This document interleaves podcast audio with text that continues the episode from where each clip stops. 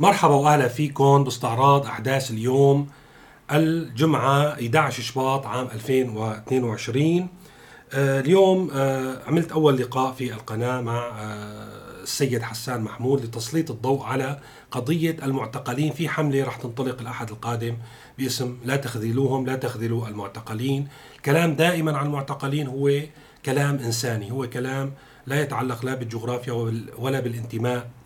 السياسي هو قضية أشخاص لم يتعرضوا أو لم يخضعوا لمحاكمة عادلة موجودين بشروط لا إنسانية في أقبية مظلمة يتعرضون للتعذيب حتى الموت. يعني هذا الموضوع آه، لا يتعلق بأنه ارتكبوا مخالفات أو أخطاء. مهما كانت هذه المخالفات من يرتكب الأخطاء والمخالفات أو حتى الجرائم من حقه أن يحظى بمحاكمات عادلة آه، ولكن ليس من حق أي سلطة في العالم أن تزج بآلاف الناس في السجون بدون آه، محاكمة ويكون مصير هؤلاء التعذيب حتى الموت. هذه القضية إنسانية وقضية آه، مهمة. آه، أحد ضحايا هذه الممارسات كان الشاب الطبيب حيان محمود الذي التقيت مع شقيقه السيد حسان محمود والذي أخبرني بأن شقيقه تم إلقاء القبض عليه منذ العام 2012 ولم يعرفوا مصيره حتى اليوم. بدوره مدير المشفى يتعامل مع مين؟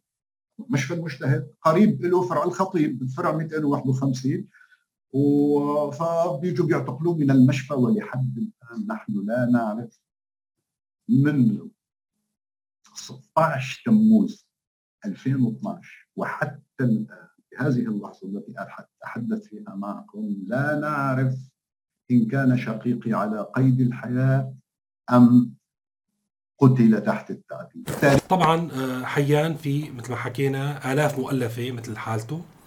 آه، كانت أهمية محكمة آه، ألمانيا والحكم الذي صدر على أنور رسلان بأنه في أمل يضل هذا الملف مفتوح بعد ما يعني كان مهدد بأنه يصير طي النسيان. فتح باب المحاكمات في ألمانيا ويوم أمس كان في أيضا قرار من فرنسا كان هذا الموضوع غير متاح بفرنسا. صار اليوم بفرنسا ممكن الادعاء على جرائم ارتكبت في سوريا بحق المعتقلين أو أو غيرهم. ويمكن للمحاكم الفرنسية اليوم مثل ألمانيا انه تنظر بهذه الجرائم. هذا الموضوع راح يفتح الباب أمام عائلات المعتقلين وعائلات آه، هؤلاء الضحايا. آه، بأن يلاحقوا المجرم ويبقوا هذا الملف في الرأي العام للضغط على السلطات سلطات النظام للإفراج عن هؤلاء المعتقلين الذين يخضعون لأبشع ظروف الحياة وكل صنوف التعذيب منذ سنوات وحتى اليوم. آه، آه، شقيق حيان اللي هو موضوع اللقاء اللي بتمنى تشوفوه آه، في القناة. رح انشره بعد قليل. شقيقه السيد حسان كان له دور أو كان له مشاركة في الادعاء في محكمة أنور رسلان. باعتبار كان أنور هو محقق مسؤول في تلك الفترة. وعندما سألت حسان بأنه شارك في المحاكمة لأنه مقيم بألمانيا والمحكمة أقيمت في ألمانيا فكان جوابه طبعا لو بتكون بالمريخ بدي أروح لأنه يا أستاذ نضال غير ألم الحيرة بأنه عايش أو ميت، الميت إنت بعد سنة سنتين يتضاءل الإحساس وبتعرف مصيره، بيكون عندك قبر تزوره، قبر تقرأ فاتحه، تمارس طقوس. نحن ما عندنا هي حتى هذا ترف إنه نعرف إنه عايش أو ميت أو حتى يكون له قبر، لو بيكون بالمريخ بده يروح. إذا أعتقد مهما طال الزمن سيبقى آه، أقارب هؤلاء وأصدقاء هؤلاء يلاحقون المجرم إلى أن ينال عقابه العادل. بتمنى تشوفوا اللقاء بشكل كامل بتوقع رح يوفر لكم آه، يعني آه، معلومات كاملة عن هذه الممارسات من خلال تسليط الضوء على هذه الحالة الخاصة الجديرة بالاهتمام. هذا التقرير الثاني يلي تنشره روسيا اليوم خلال أسبوع حول موضوع الصراع العسكري مع الولايات المتحدة الأمريكية. وطبعا بيرجعوا بيركزوا على فكرة أن الولايات المتحدة الأمريكية عم بتركز على موضوع جر روسيا إلى حرب مع أوكرانيا. وبالتالي وقت روسيا تدخل بحرب مع أوكرانيا فهي رح تدخل مع بحرب مع الاتحاد الأوروبي. وفي دول مترددة من عداء روسيا مثل ألمانيا رح تنضم إلى المعسكر الأوروبي الأمريكي في مواجهة روسيا. وبالتالي روسيا تبحث عن حل. هي ترى بأن الصراع مع أمريكا يعني أمر شبه محتوم اليوم ولكن لا تريد روسيا أن يتم هذا الصراع أو تتم هذه الحرب في أرض أوروبية. وبالتالي التقرير مرة أخرى يشير بأنه أنسب مكان لهذا الصراع بين روسيا والولايات المتحدة الأمريكية في سوريا في أرضنا في سوريا. تقرير مطول حول هذا الموضوع. بهالفقرة بيقولوا دعونا نذكر بأن سفن الإنزال الروسية المحملة ببعض الأشياء قد دخلت اولا إلى طرطوس السوريه ثم ذهبت إلى البحر الأسود وهناك من المحتمل أن تستقبل إلى آخره. فأين ستذهب بعد ذلك؟ وأين يمكن محاربة الولايات المتحدة دون إشراك أوروبا؟ المنطقة الأقرب هي سوريا وأيضا يعني يكمل السيناريو. راح أحط لكم رابط والله المقال مهم تطلعوا عليه. وتكمل بأنه الحرب آه، في سوريا مع الولايات المتحدة الأمريكية سيضطر الولايات المتحدة الأمريكية أن تستخدم قواعد في الدول العربية وتجر الدول العربية ومنها دول الخليج إلى هذه الحرب إلى آخر هذا السيناريو. الحقيقة المرعب يعني ما كان ناقصنا غير تقوم حرب حقيقية بين الولايات المتحدة وروسيا في أرضنا وهذا بيدلل يعني مع الأسف ماذا نعني نحن لروسيا اليوم؟ يعني بالتحديد لأن روسيا أمريكا بنعرف أنه هي عدوة ولكن روسيا التي تدعي صداقة الشعب السوري تفكر في سوريا وفي أرض سوريا ك يعني منطقة لإقامة الحروب لكي تجنب آه، يعني نفسها من خسائر آه، قد آه، تتكبدها في حال يعني قامت أو نشبت هذه الحرب في على حدودها مع أوروبا فهي تفضل أن تقوم بهذه الحرب على أرضنا سوريا ومين بيمنع يعني ما حدا راح يمنعها مع الأسف. موضوع الكهرباء ولكن هذه المرة على الصناعيين. آه، الحقيقة تعرضت آه، مناطق آه، صناعية لانقطاعات عشوائية وطويلة ومنها منطقة الشيخ نجار في حلب بحسب ما صرح فارس شهابي رئيس غرفة الصناعة في حلب أو رئيس اتحاد غرف الصناعة في سوريا تعرضت لانقطاعات وتسببت في خسائر كبيرة للصناعيين في الأشهر الماضية. وكان في لقاء مع مدير المؤسسة مع الصناعيين لمعالجة هذه المشكلة بتفاجئوا الصناعيين بأنه هو عواض ما يطرح انه الحكومة تعوض عليهم هذه الخسائر. والكلام أيضا لفارس الشهابي آه، آه، بلش آه، مدير مؤسسه الكهرباء يروج لأن الحكومة مضطرة لكي ترفع أسعار الكهرباء على الشركات الصناعية وهنا انفجر أحد الصناعيين في وجه مدير الكهرباء وتكلم بكلام مؤثر للغايه خلينا نسمع شو قال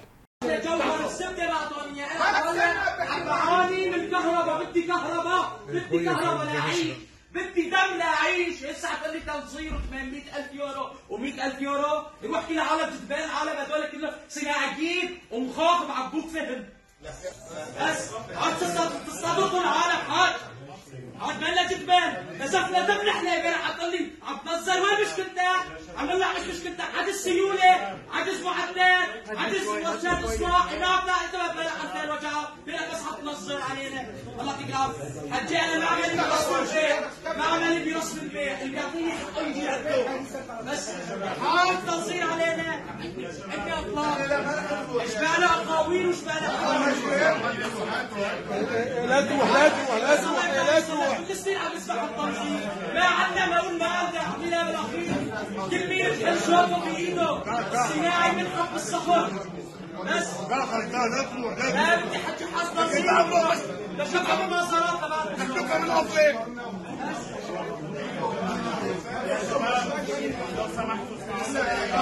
على الغريب بالموضوع وقت آه، كمان آه، أول آه، أمس كان في لقاء وكان عم يتم السؤال عن الكهرباء وليش ما عم توصل للمواطنين للمنازل العاديين. الضيف الموجود في البرنامج رفع شعار أو الضيفين الحقيقة رفعوا شعار الإنتاج اولا إنه طبعا هن قالوا مثل حكينا امبارح إنه أول شيء للجيش والعسكرة وثانيا للإنتاج لأنه لا يمكن أن تستمر الحياة بدون حركة الإنتاج وحركة الصناعة. وبأن الأولوية الثانية بعد الجيش هي للصناعة لنفاجئ أنه الصناعيين أيضا ما عم يوصلوا الكهرباء عكس ما ادعى ضيوف البرنامج الحواري المذكورين. في كثير ناس بتعتبر إنه نحن بدينا حاجة آه، حاجات صناعية وإنتاجية بالطاقة الكهربائية على حساب الناس. ففي ناس اعتبرت إنه هذا الحكي لا كان لازم نخلي الناس أولوية وليس الحاجات لا. الإنتاجية. إنه كان ممكن نأجل هذا فكرة الموضوع. فكره فكره يعني هي في مين فكرة حكاها؟ الأولوية للإنتاج لأنه لا يمكن إطلاق اقتصاد بدون إنتاج. وبالتالي أن تكون نوع من التوازن. لنقل بالحد الأدنى أن هناك إنتاج يجب أن يحصل سواء كان زراعيا أم صناعيا أم تجاريا إلى آخره وهذا لا يمكن إلا أثناء تأمين الإمداد بالطاقة الكهربائية. هذا على حساب المواطن. نعم يكون على حساب المواطن ولكن في النتيجة حقائق. هي حقائق. هذه الحقيقة يعني عندما تستثنى المناطق الصناعية مناطق كذا إلى آخره هذا تحصيل حاصل لأننا في النهاية ننتج. وهون السؤال بيرجع بيطرح نفسه. وين الكهرباء بتروح بسوريا؟ بمتابعة أحداث السويدة والاحتجاجات التي تم الدعوة إليها طوال الأسبوع الماضي والاحتجاجات التي استمرت خلال الأسبوع الماضي تم بالفعل اليوم وقفة احتجاجية لمدة ساعتين تقريبا. رح نحكي عن الموضوع بتسجيل منفصل يوم غد إن شاء الله. ولكن آه، الشيء اللي بدي أذكره اليوم أنه تمت الوقفة الاحتجاجية. وكان في عدة يعني آه، كلمات ومطالب كمان رح نستعرضها بالتفصيل يوم غد إن شاء الله. ولكن الملاحظ كان الحقيقة شيء خطر أيضا للغاية هو موضوع عم بيقوم في وسائل الإعلام التابعة للنظام إن كان وسائل الإعلام المرخصة أو حتى شبكات التواصل الاجتماعي مثل العادة.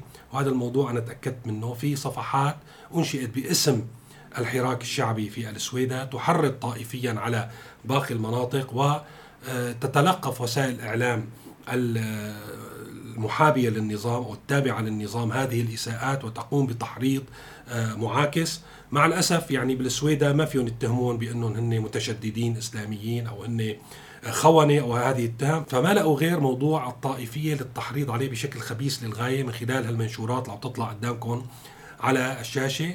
أنا طبعا عملت اتصالات مع مصادر بالسويدة آه، حول الصفحات اللي عم تنشر مثل هذا الكلام آه، حول آه، الساحل وحلب والى آخره مثل ما شايفين وأكدوا بأنه هن ما لهم أي علاقة بهذه الصفحات وبكل الأحوال. يعني في حال أنا بدي أحط احتمال إنه كان في بعض الشباب يلي نشروا مثل هذه التعليقات من ضمن يعني عشرات التعليقات والصور والفيديو يلي فيها مطالب محققه وفيها أمور بتهمنا كلنا كسوريين. ما معنى أن تتلقف وسائل الإعلام مثل وكالة الآن وغيرها من شبكات آه، الفيسبوك التي تعمل لصالح النظام. هذه الإساءات بالتحديد وترد عليها. يعني هذا الموضوع هذه اللعبة القذرة آه، بتمنى نكون واعيين لها ويعني بترجعنا لبدايات ما حصل في سوريا وإن النظام مستعد أن يحدث انقسام بأي طريقة، يعني انقسام طائفي، انقسام قومي، انقسام سياسي، أي طريقة حتى لو أصبحت سوريا لا دولة مخترقة من قبل آه، آه، عشرات الميليشيات ومحتلة من قبل العديد من الجيوش لا يهم المهم أن نبقى في السلطة. رح نحكي بهذا الموضوع بالتفصيل يوم غد. تابعوني بالتسجيل الخاص على السويد لحتى نبين دائما بأنه معاناة السوريين وحدة بكل الأراضي السورية بأنه سلطات الأمر الواقع بتشبه بعضها مع تفاوت يعني بسيط في يعني بعض الأمور ولكن هي بتشبه آه، بعضها في السرقة وفي الفساد وفي العسف وفي الوحشية في كثير من الأحيان. من آه، كمان يومين آه، في امرأة نحن لازم أول شيء نقدم للموضوع أنه أسعار المحروقات في الشمال السوري بتختلف من منطقة عفرين يلي هي تعتبر تحت نفوذ مباشر لتركيا ومنطقة إدلب يلي هي تحت سيطرة تحرير هيئة تحرير الشام التي تحتكر موضوع يعني استيراد المحروقات وتوزيعها في المحافظة بأسعار أعلى بكثير مما هو عليه في مناطق عفرين وفي تركيا. يعني هذا هو الواقع. فبيصير أحيانا محاولة لعمليات تهريب عمليات تهريب بسيطة يعني عمليات تهريب آه للاستهلاك المحلي. لأن في مثلا منطقة أطمة هي قريبة من من عفرين ومخيم أطمة. فبعض آه سكان المخيمات لحتى ما يدفعوا الأسعار العالية آه ثمن المحروقات بهذا البرد بيحاولوا يهربوا بعض المحروقات من منطقة عفرين لحتى يوفروا على حالهم شوي. من يومين صار في استهداف من قبل آه، الحرس الحدود من هيئة تحرير الشام لامرأة حاملة بيدون مازوت جاية فيه من عفرين إلى أطمة وأصابوها في رأسها وهي اليوم في المستشفى بحالة حرجة. الأمر يلي تسبب بخروج آه، مظاهرات واحتجاجات في آه، منطقة أطمة احتجاجا على ممارسات تحرير الشام التشبيحية بحسب وصف الأهالي هناك هذا كل شيء بدي أحكيه اليوم. إذا بدكم تشوفوا أخبار أكثر ممكن تشوفوه على موقع سيريا نيوز أو شبكات التواصل الاجتماعي المرتبطة في التليجرام والفيسبوك. حط لكم الروابط آه، شكرا لمتابعتكم. شكرا لكل المشتركين. وشكرا لكل المنتسبين إلى عضوية القناة. لا تنسوا تشوفوا اللقاء الخاص حول قضية الشاب حيان آه، محمود. بتمنى يقدم لكل السوريين معلومات وافية عن هذه القضية المهمة قضية المعتقلين. شكرا لمتابعتكم مرة أخرى وإلى اللقاء في تسجيل قريب.